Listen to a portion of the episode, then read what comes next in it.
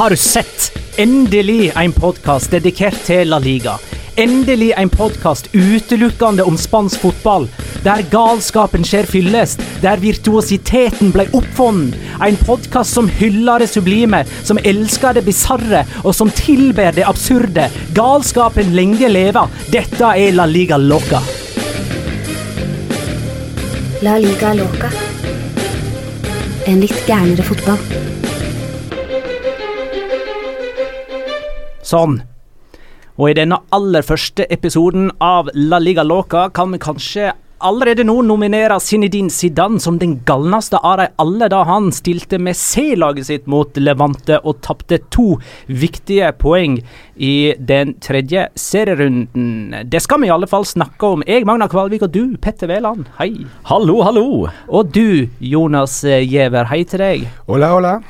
Nå eh, starter vi opp en, en ny podkast, og da er vi altså kommet ut i, i den tredje serierunden. Eh, kanskje vi skal litt sånn kort ta eh, en, eh, en slags eh, kjapp recap eller oppsummering av det vi har sett så langt da i eh, La Liga, sånn at vi, vi kan ta en sånn catch-up her. Er Sånn ekstremt eh, svart-hvitt. da. Eh, verdens beste lag, Real Madrid, har fem poeng. Eh, Barcelona, som er i fullstendig krise og i oppløsning, har ni poeng. Full pott, med andre ord. Sammen med Real Sociedad. Real Sociedad har eh, Og det er ikke bare det at de har ni poeng, men de har faktisk ni poeng mot tre tøffe motstandere. Celta Vigo på bortebane. Villarreal på hjemmebane. Deportivo la Coronia på, på bortebane. Så de eh, har eh, for første gang siden 1983 vunnet de tre første kampene for sesongen. Og det får jo eh, TV-reportere i Spania til å eh, rett etter kampslutt spørre Asier Yadamendi om de har tenkt å vinne La Liga denne sesongen òg. Så her tar vi ting på forskudd. Jonas, fått noen inntrykk? Nja, ikke mer enn det at jeg har tenkt, eh, slik som veldig mange andre kanskje har tenkt òg, at Barcelona spiller fotball som styrerommene deres var i den skjønneste orden, mens Real Madrid spiller fotball som om det var deres styrerom som var i total oppløsning. Men sannheten er jo det at Barcelonas styrerom, om, der er det vel Der lever folk på lånt tid, mens i Madrid skal det være fryd og gammen. Eh, lagene klarer ikke å reflektere det på banen, og det synes jeg er egentlig ganske sprøtt og morsomt. Men det er jo det som er eh, denne ligaen, denne La Liga Loca, som vi følger så, Mm. så mye med på. Så skal vi slenge inn navnet vårt litt. Men jeg synes også at det er, det er gøy å se eh, at Valencia eh, endelig ser ut til å ha funnet ut hva forsvaret er for noe. Eh, når de klarer å, eh, å De har vel ikke tapt uh, i åpningen. De har sluppet inn to mål på tre kamper, og det er vel absolutt det beste på en stund, tror jeg. Nå, nå er det sikkert uh, noen som kommer til å rette på meg, men uh, jeg synes de har sett ekstremt sterke ut i forsvar, og det er det veldig mange år siden jeg kan si at de har gjort. Ja, så bare sånn til forskjell fra forrige sesong, da, så slapp jo Valencia en Ja. fire i første kamp Ja, mot. Las Palmas. Denne gangen så vant de 1-0. De møttes uh, i første serierunde denne sesongen òg. Jo, jo. Marcelino Magic. Det er et eller annet med Marcelino, altså. For han, eh, den jobben han gjorde i eh, Villarreal, den har vi jo kanskje sett først sånn i etterkant hvor god egentlig var. Fordi de sleit seg i større grad til en femteplass forrige sesong. Mhm. Sesongstarten de har hatt nå, er ikke like bra. Og måten han har fått eh, et eh, Valencia-mannskap som har sett ut som uh, ei sil, Mm. bokstavelig talt nesten, har jo Nei, ikke bokstavelig talt. Ei sil ser jo Det er en litt eh, annerledes ut enn ei fotballag. eh, Har du Det er en sett Ella Kim Mangala? svakhet jeg har, eh, Magna. For det har du påpekt før, at jeg bruker bokstavelig talt i feil sammenheng. Det er nok et bilde. Det er nok billedlig tale. Ja. Men uh, i dagens podkast, da. Vi må jo ta for oss uh, runden til de tre største klubbene i, i La Liga. Real Madrid, Barcelona og, og Atletico. Der eh, Real Madrid på en måte skiller seg litt ut eh, i negativ forstand. Mm. Vi må òg ta for oss Vi har nett vært inne på det så vidt Real Sociedad. Eh, for ikke bare topper de La Liga, men de har òg to eh, ekstremt interessante kamper eh, kommende eh, mot Rosenborg og Real Madrid. Eh, og hjelp meg nå. Sevilla møter Liverpool.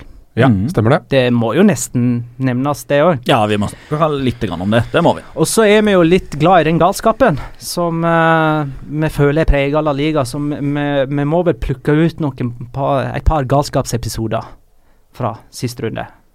Er det noe jeg glemmer nå, som vi skal dekke i dagens podkast? Tror du er eh, har alt sammen, eh, alt sammen der, foruten Du bare- eh, Ja. Du, ja du da, ja deg nå. da, ja da, jeg vet hvor vi skal hen, men jeg har ikke lyst til å si det høyt for det. Ja, vi skal, vi skal innom en, en en personlig eh, favoritt hos meg, selvfølgelig. eh, som eh, ikke har gjort så veldig mye i La Liga denne runden, men han har jo Vi tar forstørrelsesglasset over Nordin Amrabat Ja, og ser vi gjør- hvordan ja det går. Vi gjør det. Men vi går rett på sak, da. Real Madrid eh, Levante 1-1. Levante tok ledelsen. Eh, jeg sa innledningsvis at Zinedine Zinedine Zidane uh, Mhm. starta med C-laget. Det er mulig jeg brukte overdrivelse som en effekt her, Mm. uh, men jeg stussa litt over hvorfor han roterer akkurat i, i denne kampen. Er det flere som stusser over det? Jeg stusser over det. Ehm, samtidig så Altså, fokuset inn mot kampen, eh, det var jo at eh, Altså, Vuelta av Spania eh, ble jo avslutta i Madrid den helga her. Dette sykkelløpet Ja, dette sykkelløpet. En av de tre store.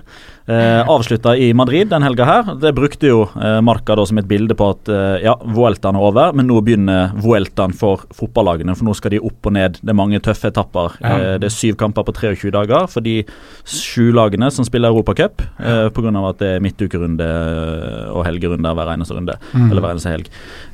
Og derfor så var allerede altså to, tre, fire dager før kampen, så var folk allerede i gang med å diskutere hvordan skal lagene komme seg gjennom denne perioden.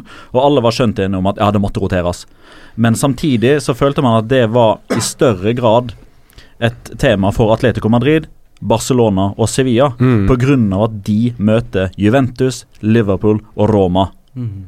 i, i, i de to eh, kommende Og Real. Madrid de har Apoel Mhm. hjemme. Mm. Og de spilte hjemme mot Levante, Mm. og de har tre fulle hviledager mellom. Real Madrid var det første laget som spilte, Mhm. og det er det siste laget som spiller i Champions League av de spanske. Spiller de hjemme også, gjør de ikke det, mot Apoel? Ja, det ble Gia. Said eh, Ja, ja, debuterte for ja. øvrig for Apoel uh, i helga. Ja, Ja, også, Spilte en drøy time. Ja, det er fint, det. Det blir spennende. Det blir Jeg, håper, og jeg håper virkelig at han spiller fra start, for da eh, Jeg har jo vært en av de som har vært litt fanebærer for uh, Gyas Said. Mm. Og mener at han har en type spillestil som ikke kommer til å vokse ut i full blomst i Eliteserien.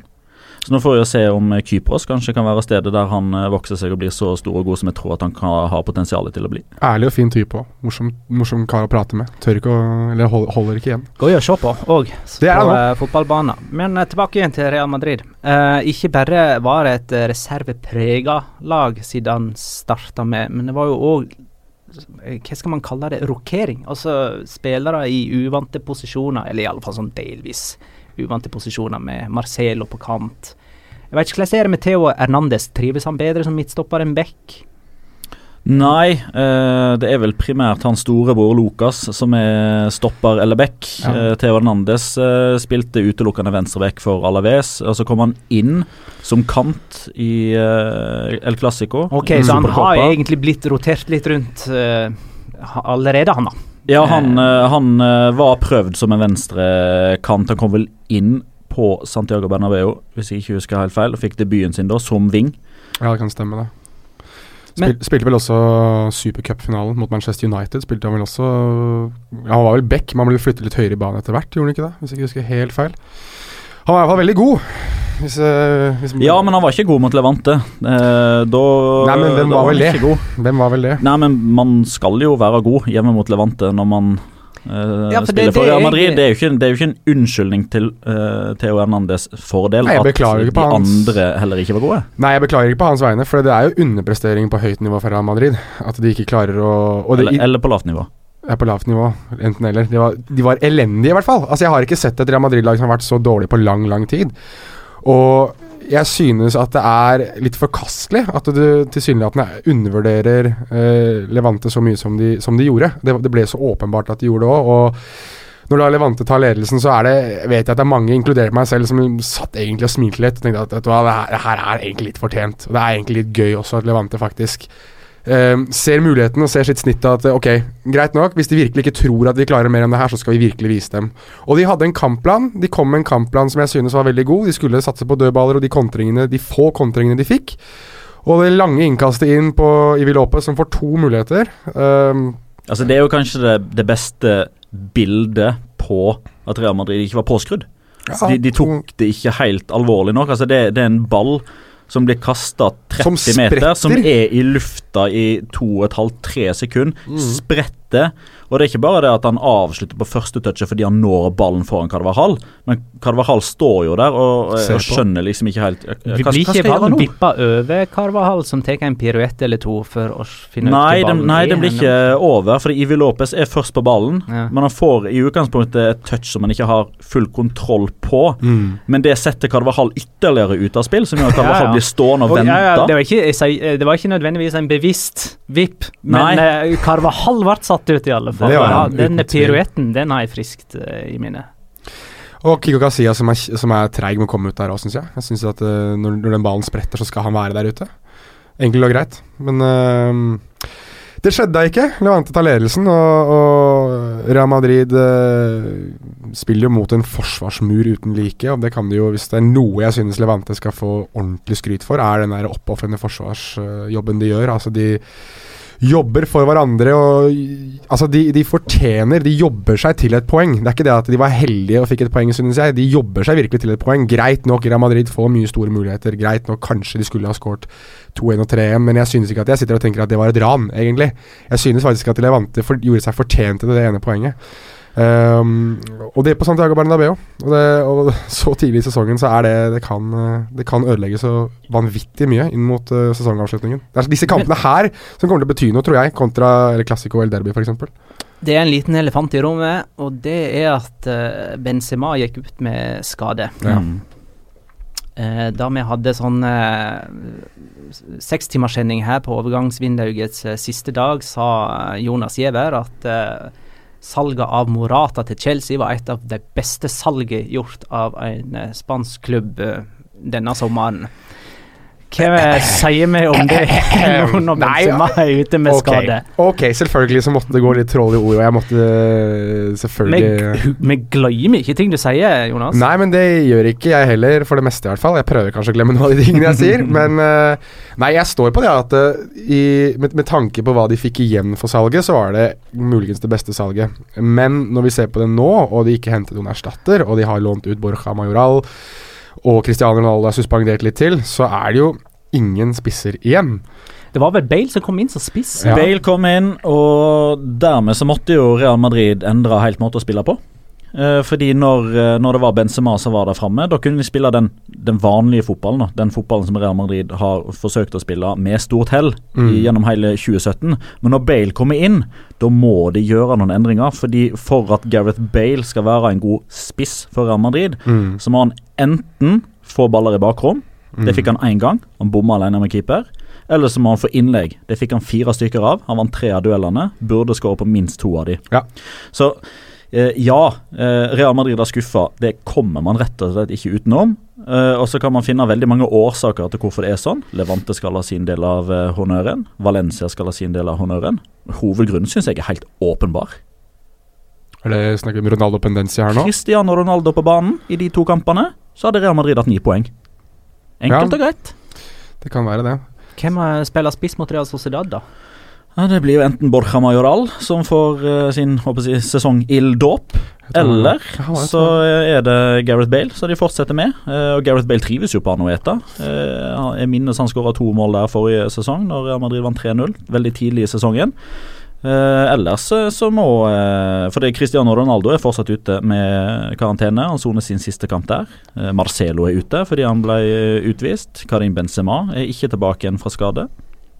Ja, nei, Jeg må bare rette på meg selv. Jeg var helt sikker på at uh, Borch hadde vært blitt lånt ut igjen. jeg. Men uh, det var jo i fjor han var lånt ut. Og jeg- Ja, Du tenker nok på Mariano Diaz som er borte, sammen med Alvaro Morata. Nei, jeg, Mariano husker jeg veldig veldig godt, for det var jo en personlig favoritt hos meg. Det har vi diskutert opp ned i mente. Men jeg, jeg var sikker på at han var borte. Men da er det sikkert Borja Majoral som spiller spiss, men uh, Nei, jeg tror det blir Gareth Bale, altså. Jeg tror ikke, jeg tror ikke Majoral er god nok. Du kan komme til å gi han en. Med tanke på all den rulleringen han gjør, tror du ikke han kommer til å gi han en sjanse heller? Nei, det tror jeg ikke. Nei, Ikke fra okay. start. Greit nok. I stand corrected.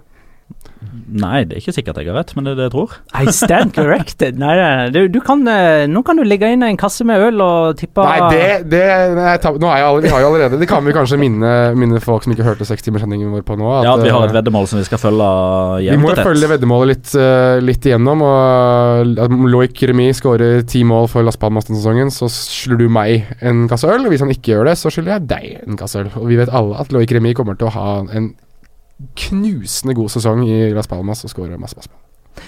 Barcelona slo Español 5-0.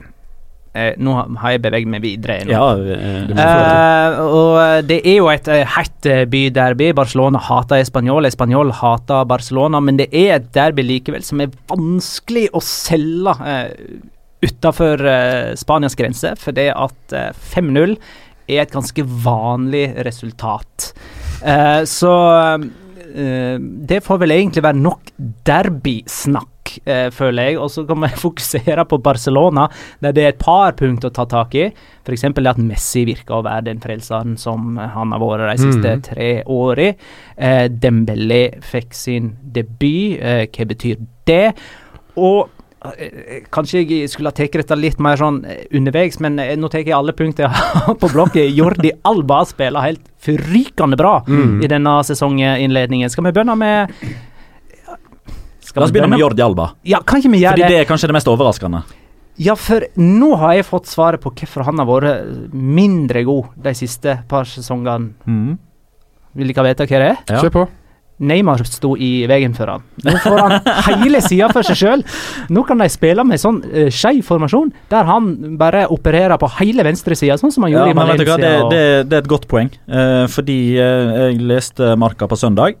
Eh, og der uh, har en journalist som heter Marcos Lopez Han har en uh, ukentlig sånn analysebit, skriftlig. Mm. Men han bruker masse bilder og illustrasjoner for å få fram poengene sine. Mm. Og fra et fugleperspektiv så hadde han da gjentatte ganger, altså opp mot ti ganger, så kunne han sette en svær, svær firkant på mange hundre kvadratmeter foran Jordi Alba, der det ikke var noen som helst. Pga. at Barcelona spilte så skeivt, fordi Deolofeo trakk over på høyre, Mm. Messi var sentralt, Suárez var spiss. Uh, og da, da er det ingen på venstresida. Og hva skjer med spanjolforsvaret da? Som i utgangspunktet har veldig mye fokus på Messi, vil overbefolke sentralt. Jo, de skyver over mot si venstreside. Mm. Altså høyrebekken til Español og ca. midt på banen. Og det som skjer da, er at Jordi Alba han, han har jo nå etter et langt liv i fotballen lært seg at han må holde løpene sine. For hvis han beveger seg opp for tidlig, så blir motstanderen obs på han. Men han holder løpene sine, og så får han da etter hvert blikkontakt eller eh, klarer å, eh, å få oppretta en form for dialog eller kommunikasjon om at nå må ballen spilles over på min side fordi jeg har 50 meter fra meg. Det skjedde gjentatte ganger. Mm, mm. Man så jo det flere ganger i kampen òg, og min, det minnet meg egentlig litt grann om, om ja, Kanskje mest for Brasil, men Roberto Carlos hadde jo litt det samme også.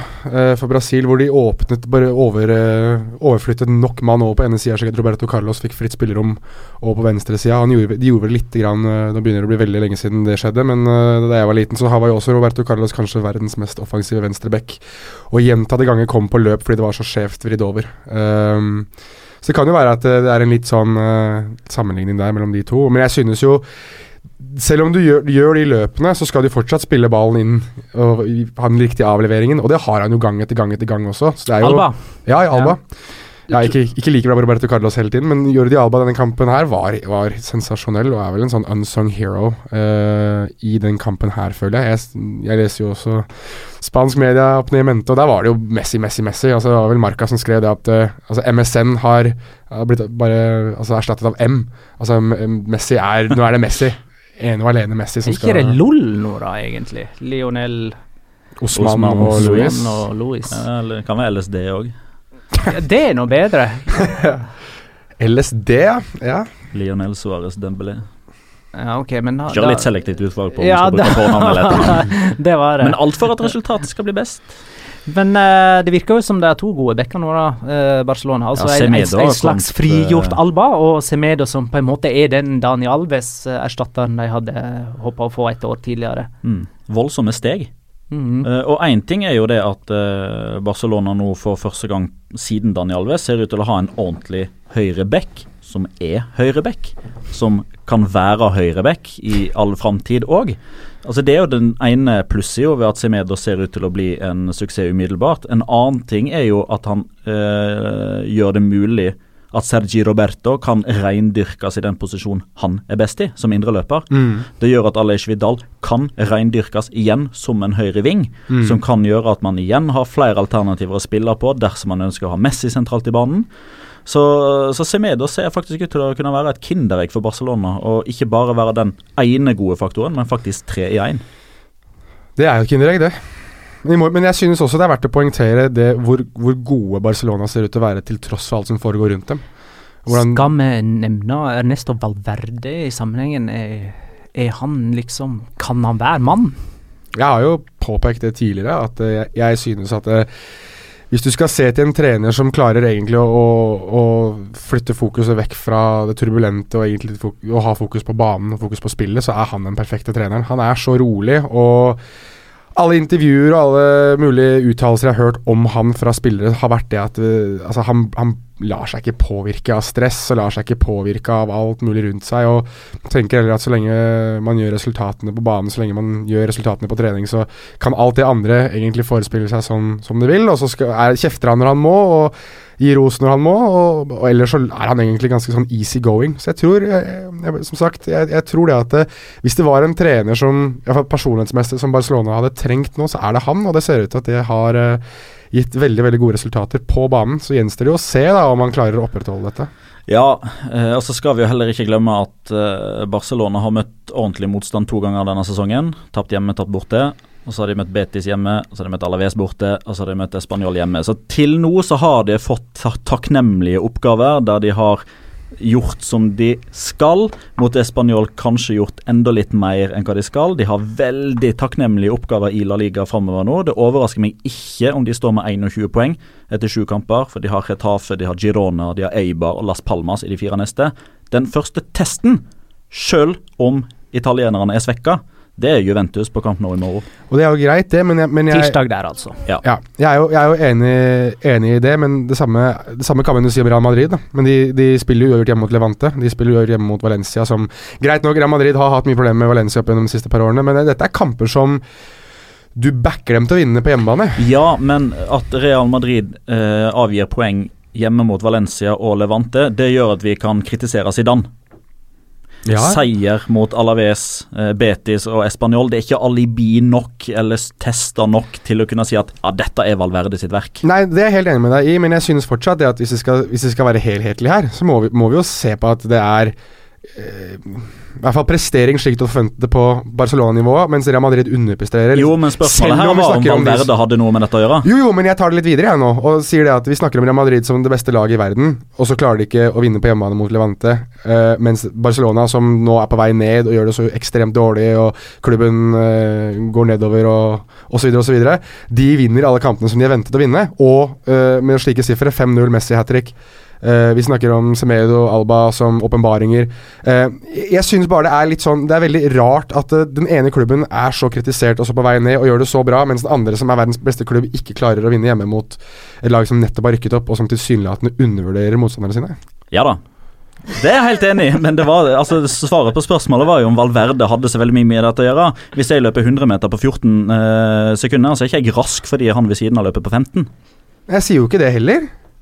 Jeg si, jeg sier bare det at jeg, sy, jeg synes det at hvis vi skal være veldig Altså Greit nok, greit, for å svare på spørsmålet. Har, har det veldig mye å si om Valverde? Kanskje ikke. Kanskje det er øh, vente at Barcelona skal, skal prestere på det nivået. Men jeg synes uansett det at det, den sammenligningen mellom de to lagene og åpningene deres er veldig viktig å ta akkurat nå. For den kom, jeg tror det kommer til å ha veldig mye å si på slutten. Helt enig. Og det er Jeg tror ikke at La Liga vinnes eller tapes i El Clásico eller El Derby eller øh, Altså Uansett hvilket derby det er, så tror jeg ikke det vinnes og tapes der. Det er de kampene her jeg tror, jeg tror ligaen vinnes og tapes i, og når Real Madrid ikke klarer det mens Ja, det var Barcelona, der Barcelona tapte La Liga forrige sesong. ja, nettopp. Og når Barcelona ikke klarer, eller klarer det, og Real Madrid ikke klarer det, så er det, er det et veldig viktig poeng å få frem, synes jeg. da. Ja. Og jeg vet ikke Vi kan godt kritisere eh, Zidane for hans valg, men jeg synes da at de på lik linje kanskje burde si at det, det er en fjær i hatten til Valverde at han klarer det. Ja. Spesielt når han er ny. All right. Uh, Barcelona får en stor test mot eh, Juventus. Det, det er egentlig litt i samme situasjon. Barcelona og Juventus eh, begge har vunnet sine tre første kamper, men mot heller svak motstand i heimlig serie. Og begge tapte mot, eh, kampen i uh, supercupen uh, mot tøff motstand. Så nå møter de tøff motstand uh, I hverandre. seg imellom. Jeg hopper videre til Atletico Madrid. Jeg. Eh, vil si Valencia eh, Atletico Madrid. Dere uttrykte jo eh, innledningsvis her en viss fornøyelse med det dere har sett av Valencia så langt. Atletico starta denne kampen på Mestalla, da. Uten Griezmann, Gabi, Godin. Første omgang syns jeg de var gode, Atletico, og hadde fortjent å gå til pause med ledelse. Ja, det er jeg enig i. Det ble 0-0, bare sånn, Mm. by the way. Ja, um, altså Valencia Atletico Madrid Det var en kamp som jeg i utgangspunktet hadde veldig høye forventninger til. Eh, som hadde sånn kaos-potensialet. Med, med ting som skjer med snakkelser, utvisninger, straffespark osv. Fordi forrige sesong så fikk man denne Diego Alve som redda to straffespark, men allikevel så vant Atletico Madrid. Mm. Eh, så jeg satt jo og snakka med kollega Paul Thomas Clay rett før jeg gikk på eh, og sa liksom hvor mye jeg gleder meg, og så avslutta med ja, men da blir det vel 0-0, da. Eh, fordi når man gleder seg ordentlig til noe, så, Blir det 0-0. så blir det 0-0. men eh, Og det, det, det syns jeg i, i litt større grad skal eh, tilskrives eh, en god Valencia-prestasjon kontra en svak Atletico Madrid-prestasjon. Fordi Litt sånn med samme som at jeg, jeg mener at hadde Real Madrid hatt Cristiano Ronaldo hjemme mot Levante, så hadde de vunnet den kampen. Jeg tror på samme måte at hadde Atletico Madrid hatt Antoine Griezmann, så hadde de vunnet den kampen. Fordi når de spiller med Luciano Vietto på topp, så spiller de egentlig med ti mann. Han bomma mer eller mindre på åpen mål. Uh, Hva som har skjedd med ja, han etter den 2014-2015-sesongen i? Villarreal, altså. Han var så god i Villarreal. Mm. Neste kamp for Atletico er på, i serien, vel å merke, er på Wanda Metropolitano. Den skal jeg ned og kommentere. Jeg gleder meg som en Malaga. hund. Som en hund? ja. Innen den tid så har jeg jo spilt mot Roma. Gleder seg som en hund? Ja, men det er på bortebane. Ja. Mm. Spiller mange bortekamper, Atletico. Ja, det blir fire på rad. Fire på rad. Og derfor så er liksom fem poeng etter tre kamper i utgangspunktet ikke godt nok. Men alle tre har vært på bortebane. Så det er lite Ja. sånn Altså Eneste laget som har spilt tre bortekamper. Real Madrid har f.eks. to hjemmekamper og én bortekamp. Det har vel Barcelona òg. Ja. og det, men men det, det var kanskje første kampen som var eh, det verste for eh, Atletico, når de spiller 2-2 mot Girona. Ja. Og ligge under 2-0 og, og få Griezmann utvist Mm. der, da. Mm, mm.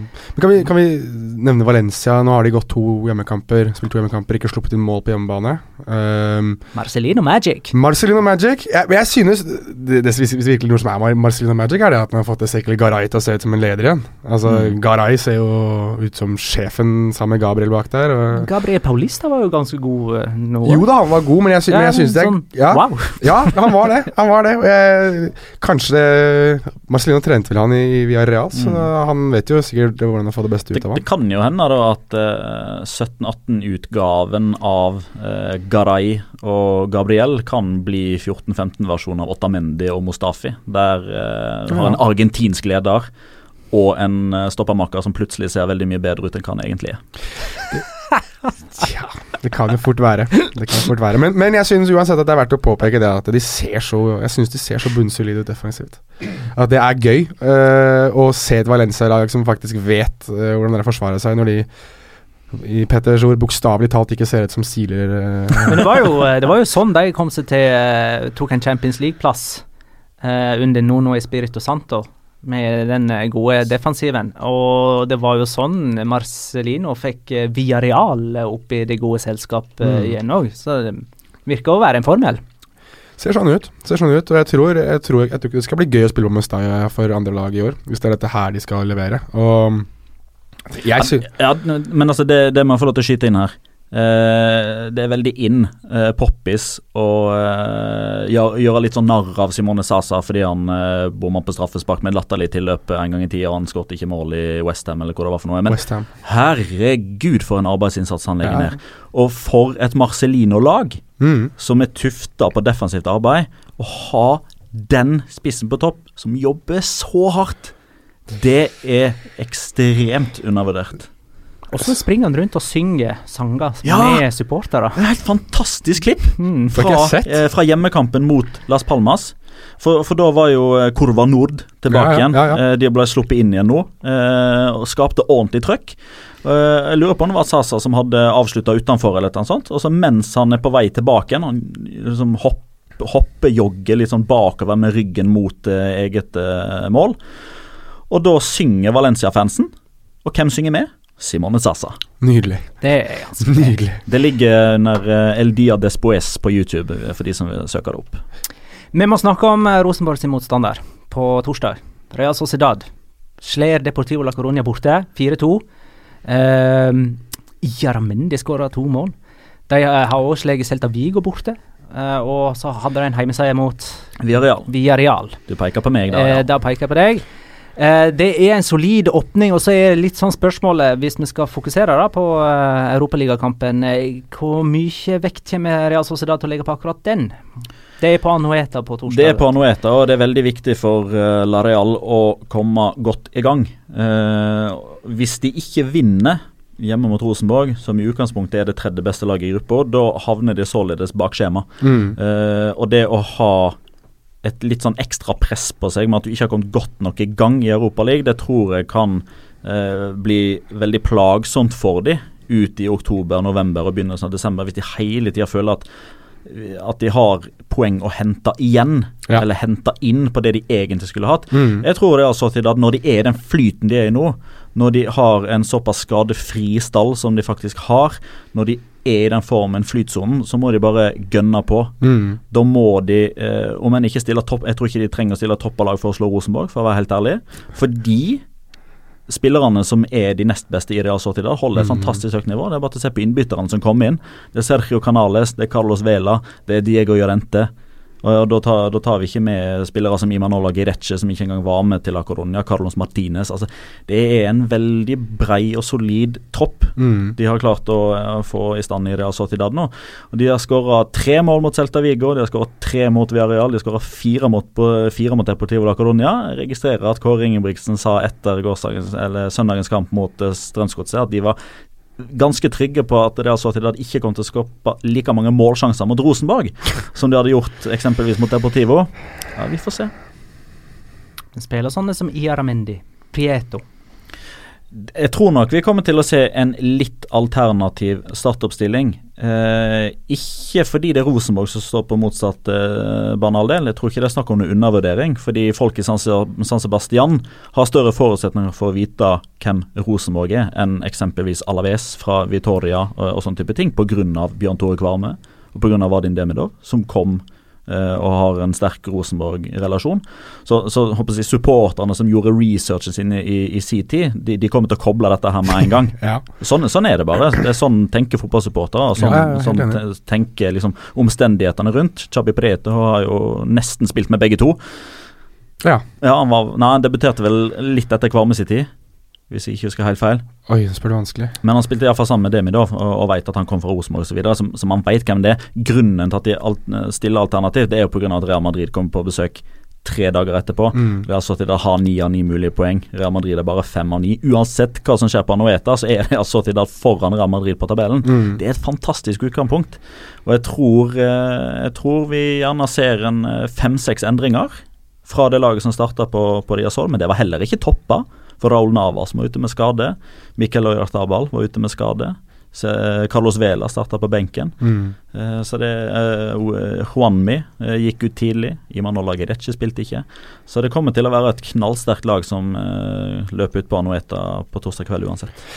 Jeg har ikke så mye å tilføye, men jeg bare synes det var eh, jeg, jeg tenker veldig på, på Birger Meling uh, i disse dager, for han kommer til å få det så vondt med Alvaro Adriozola og enten Carlos Vela eller Ja, det blir nok Carlos Vela i og med at han starter ja, på benken. Ja, det gjør det, det, gjør nok det men eh, gud bedre og god Jan Usai var òg. Jeg har ikke sett Ja, ja, han, jeg har ikke sett han spille så godt siden ja, David Moyes i Manchester United. Da hadde han faktisk noen gode kamper. Eh, men, jeg, men altså, den derre høyresida til, til Real Sociedad Den skal bli vanskelig å spille mot i år, Altså, i hvert fall offensivt. For det Odriozola som kommer og kommer og kommer, og kan Altså, han er god begge veier òg. Det er, det er eh, Altså, jeg er så imponert over, over hvor mye han forbedrer seg tilsynelatende hele tiden. Han ser ut som en, en fremtidig landslagsback. Jeg skrev vel det på Twitter i går, at i løpet av 2018 så er han på han må, han, Da må han ha spilt Ja, landslagskamp. det er enormt tempo.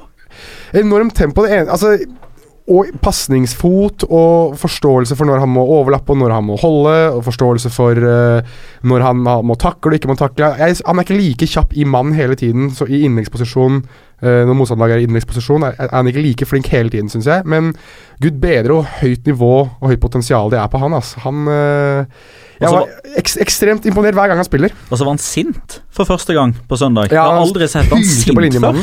Fikk gult kort for uh, protester. Mm. Altså, det, det er nett som at den mest skinnhellige fotballspilleren skulle få gult for filming. Han sto og hylte og skrek. Det var utrolig gøy å se. Men jeg synes bare at det hele Hele laget er eh, er gode, og så synes jeg de er, de er ekstremt flinke på å utnytte situasjonen. Altså, de, de, de utnytter at Depor tydeligvis ikke var påskrudd i starten, og mista fokus utover uh, i andre omgang også. For det er, jeg synes alle mål nesten kommer uh, De to første kommer av, av at uh, Depor rett og slett ikke henger med. At de følger ikke med. Altså det er to uh, En lang ball, og så er det en ball ut fra corner. Og de, de henger ikke med, rett og slett.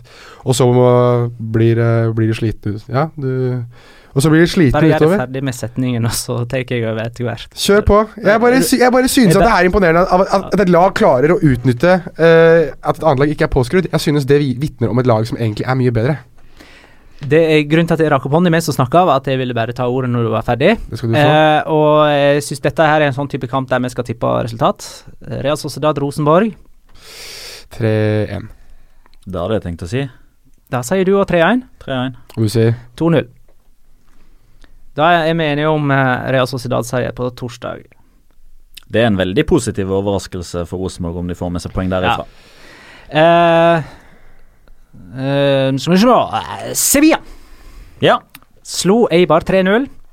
Eh, Nolito ser ut til å ha funnet seg til rette i Andalusia, men han er skada mot Mm. eh, Liverpool. Han ble skada når han skåra 3-0-målet. Ja, mm. riktig. Han hadde jo mål og målgivende denne helga. Eh, Ganso skåra i sin andre kamp på rad. Benjedder skåra hele tiden. Eh, hvor godt skodd er de på Anfield? Nei, så Det er jo en kamp der de i utgangspunktet må avfinne seg med at de er underdogs. Eh, Pga. Eh, Liverpools høye potensial, spesielt på hjemmebane, der de har eh, støtten fra The Cop i ryggen. Det fikk jo Villarreal, som forrige spanske lag, erfare veldig i, eh, for eh, 15-16 måneder siden. mm. Og Sevilla har sett OK pluss ut, vil jeg si, eh, i løpet av de første fem kampene, men med en form for stigning, fordi de spilte sin til nå beste kamp under Berizzo mot Eibar. Eh, og det jeg har blitt litt imponert eh, over, det er at de nye spillerne har funnet kjemien såpass bra så tidlig i sesongen. Altså både Corcia, Navas, som ikke er ny i Sevilla-sammenheng, men som er ny med de lagkameratene han har nå. Mm. Nolito, Banega som er tilbake igjen, spilte sammen med en del av de for to sesonger siden, men det var en del som kom forrige sesong som ikke spilte med Banega da. De finner hverandre ganske lett eh, allerede fra, fra start av. I hvert fall offensivt, ja.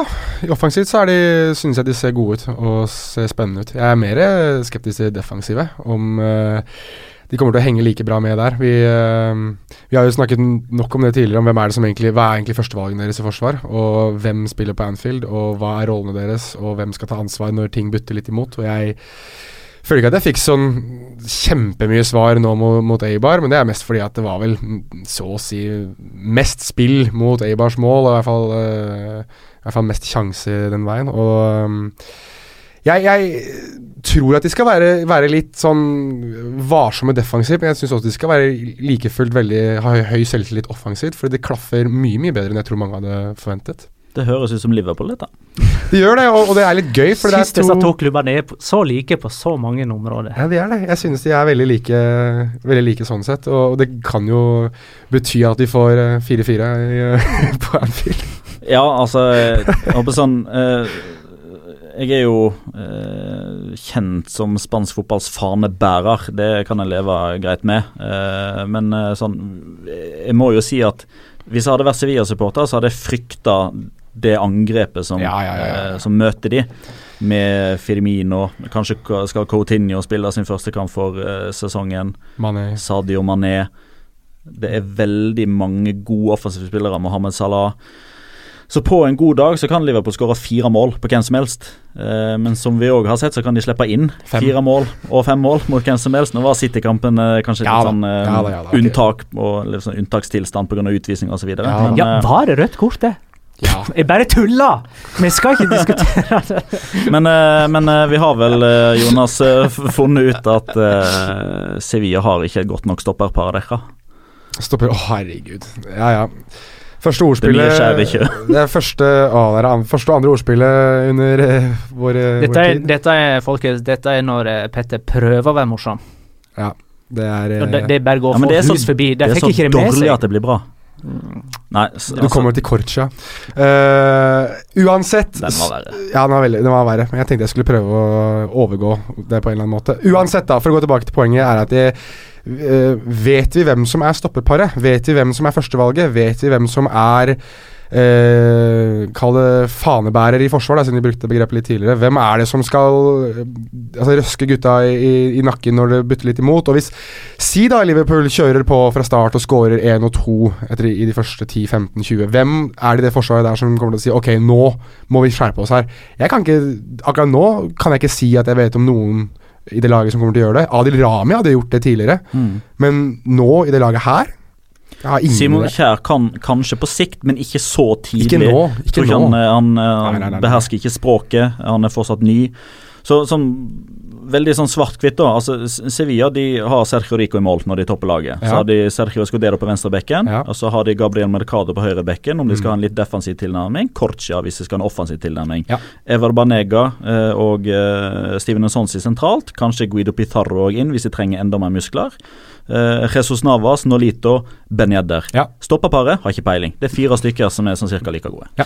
Her òg skal vi tippe resultat. 3-2 til Liverpool. Eh, 3-1 til Liverpool. 4-2 til Liverpool. All right. All right. Mye mål, da. Det er deilig. Ja, det blir mye mål, og det blir Liverpool-seier, har vi konkludert med. Uh, da tror jeg vi uh, kan sveipe litt over det andre som skjedde i uh, denne siste, eller ferskeste serierunden. da. Areal tapte jo sine to første kamper, med, men tok endelig en trepoenger nå i helga. De vant 3-1 over Real Betis.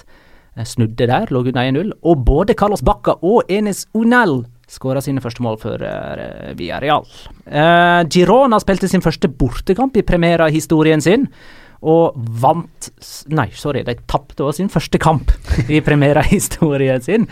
Tapte 2-0 mot Atletic Club de Bilbao.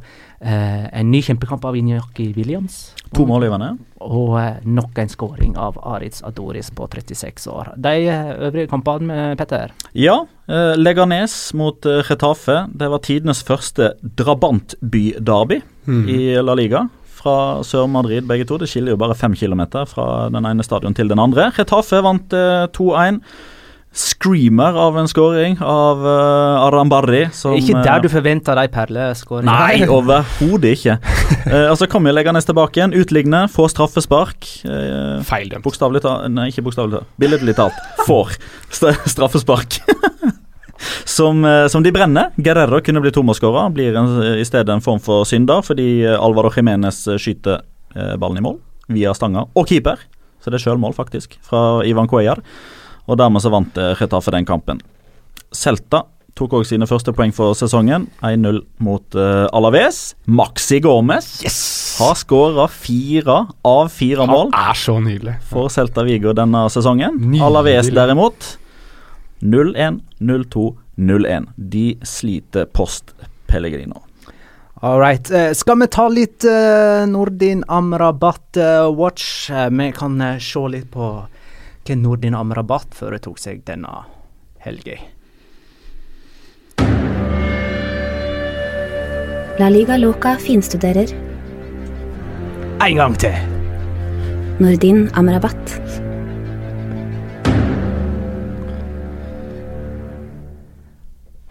Fått en egen jingle, eh, Jonas. Ja, jeg hører det her. Jeg hører det, ja, Det er vel nå er det sikkert stor spenning til at jeg skal snakke om Nordin Amrabat. Um, Du får ti sekunder. ja, litt mer enn ti, håper jeg. Uh, I hvert fall, han spilte ikke denne serien her. Og det, Sant. Punktum. Og vi går videre. Ja, Han spilte for Marokko, da. Det kan vi jo si. Han spilte for Marokko og i 82 minutter. Uh, jeg så ikke kampen mot Mali, men jeg fikk høre at han var seire og mer grusom enn noensinne. Og det har jeg faktisk ikke noe problem med å uh, tro. Så selvfølgelig. eh, Nordin Amrabat-effekten på Leganes. Så fort han signerer, så taper de første kamp. Takk for Nordin Amrabat. Ja, det var det. Eh, det er på tide at vi kårer rundens eh, galning. Rundens locora, er det det det heter? Kjør uh, jingle. Ukens La Liga. Locura. La Liga Locura. Jeg er sjøl litt usikker på hva dette locora-begrepet egentlig er for noe. Kan noen forklare? Begrepet locora betyr jo galskap, uh, først og fremst. Og jeg synes at uh, i uh, det begrepet så ligger det veldig mye. Det kan jo være en spiller som har gjort noe helt forkastelig, en spiller som har gjort noe helt fantastisk, en trener som har gjort noe eh, fantastisk eller grusomt. Eh, et øyeblikk som får deg til å reise deg opp fra setet ditt, et øyeblikk som får deg til å riste på hodet. Det er egentlig et, eh, et begrep eh, som jeg ønsker å bruke om et øyeblikk eller om en spiller som fikk deg rett og slett til å tenke dette her er helt galskap. Eller etter og to locora. All right. Jeg har nominert din siden Er det andre nominasjoner? Ja, altså, som du var inne på tidlig, jeg, jeg ser jo det som er uh, av spansk fotball. Uh, Flere ganger. Du har ja. sikkert sett eh, eh, et par av kampene tre ganger. En- Enten så ser jeg de i kommentatorboksen fordi jeg kommenterer, eller så ser jeg det i kommentatorboksen fordi kampen går før eller etter den jeg kommenterer, eller så ser jeg den hjemme. Noen ganger så må jeg ty til nødløsninger som gjør at jeg ser den på mobilen mens jeg er ute og gjør andre ting. Marcelo Bielsa hadde vært kjempestolt over deg. Jeg bare Ja. si det. Så mye Petter. Wæland er egentlig hver rundes locora, Ja. men uh, det blir for obvious. Men, men uh, det som er poenget her, da, er at eh, det øyeblikket jeg husker mest fra den runden her, uh, det er en eh, veldig, veldig vakker scoring. Eh, som i utgangspunktet da fikk meg til å eh, utbryte eh, en form for eufori, fordi det var en så fin skåring. Mm. Eh, men det blir forsterka av hvor jeg var, eh, og hvem jeg var sammen med. Eh, fordi søndag formiddag så var jeg ute på tur i skogen sammen med kona og to barn. Eh, vi var på et sted som heter Batteriet, uh, fra, fra krigens dager. Derfor heter det Batteriet. Der uh, er det litt forskjellige lekeapparater og, og litt sånn. og en grillplass der vi satt og spiste mat. Jeg hadde Uh, Deportivo la Coronia mot Real Sociedad på mobilen liggende ved siden av, bare sånn for å følge med hvis det var et eller annet som skjedde.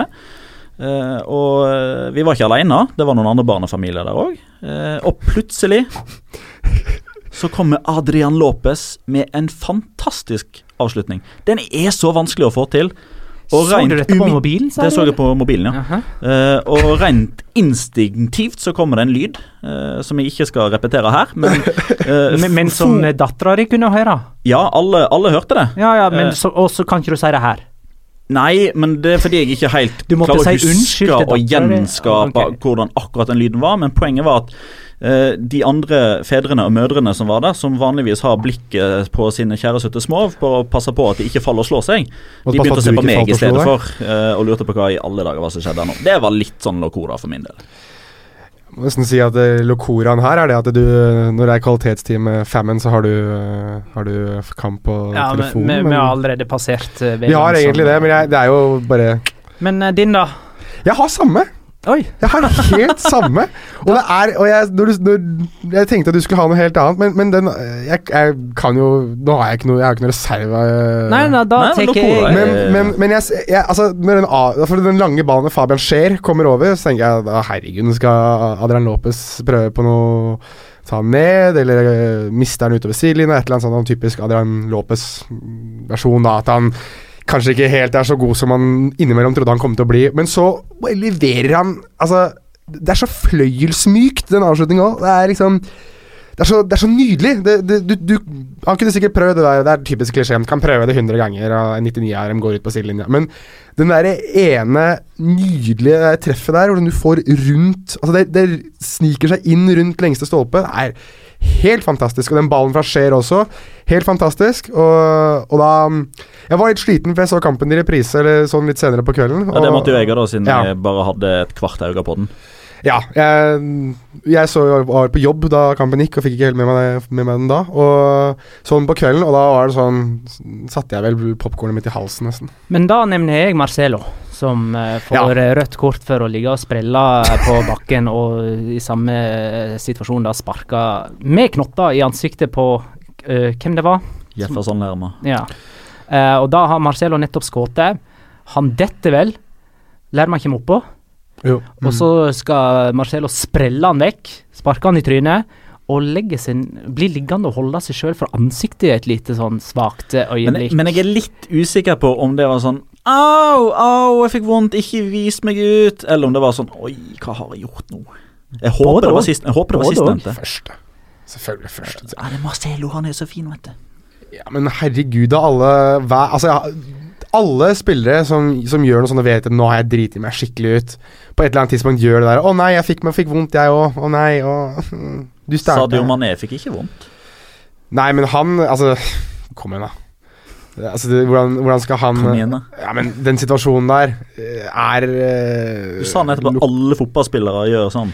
Ok, ikke alle, men veldig mange fotballspillere som gjør det der, kaster seg så også etterpå og later som om de fikk noe først, og derfor så er det her bare gul kort. Hvor lenge er Marcelo ute? Eh, Det blir klart eh, tirsdag kveld. Ja. Eh, presedensen her skal i utgangspunktet være to kamper. Det var det Isco fikk når han eh, sparka ned Jeg husker ikke hvem det var. eh, I El Clásico for to sesonger siden. Han fikk to kamper. Dette blir karakterisert i samme båt, men alt mellom én og fire. Ok, ja. Og eh, bare eh, ta Benzema og jeg, jeg tror ikke vi sa hvor lenge han eh, er ute med skade. Fire til seks uker blir det rapportert, så da antar jeg at at han er tilbake om tre-fire. Fordi de aller fleste Real Madrid og Barcelona-spillere kommer tilbake tidligere enn hva man antar. Det virker som at eh, når kommunikasjonsdirektøren eller Perez eller Zidane eller hvem det er som bestemmer liksom hva som skal gå ut, så virker det som at de får beskjed av eh, det medisinske apparatet. liksom, Ja, eh, liten eh, rift i hamstringen. Fire uker. Ok, greit, men da kommuniserer vi ut at det er seks uker. All right. Men vi kårer Adrian Lopez da til rundens locora. Jeg vil mene. Men, og da med et positivt fortegn, ikke Veldig- sant? ja, Eh, veldig og det, for det er lov i denne settingen. Mhm. Da er vi ved veis ende, som, som det heter. Ved veis ende. Takk for, at, uh, takk for denne hyggelige stunden, gutta. Jo, hjertelig tusen takk. Dette var veldig gøy. Ja, vi må gjøre dette det igjen. Dette er en fast greie. Vi går i studio eh, etter hver serierunde i La Liga. Gjør ikke vi det? Jeg synes vi skal gjøre det. Og de som har lytta på, jeg håper de gjør det igjen til episode to om ei uke. Husk å abonnere. Husk å abonnere. Det er, jeg vil gå inn på iTunes eh, eller eh, der du hører podkast, tror jeg. Soundcloud. Soundcloud, og trykke subscribe. Mm. Takker moderne media for eh, produksjonen. Og ønsker alle sammen ei fin eh, uke. Håper vi høres igjen. Ha det bra. Hasta luego. Hasta luego.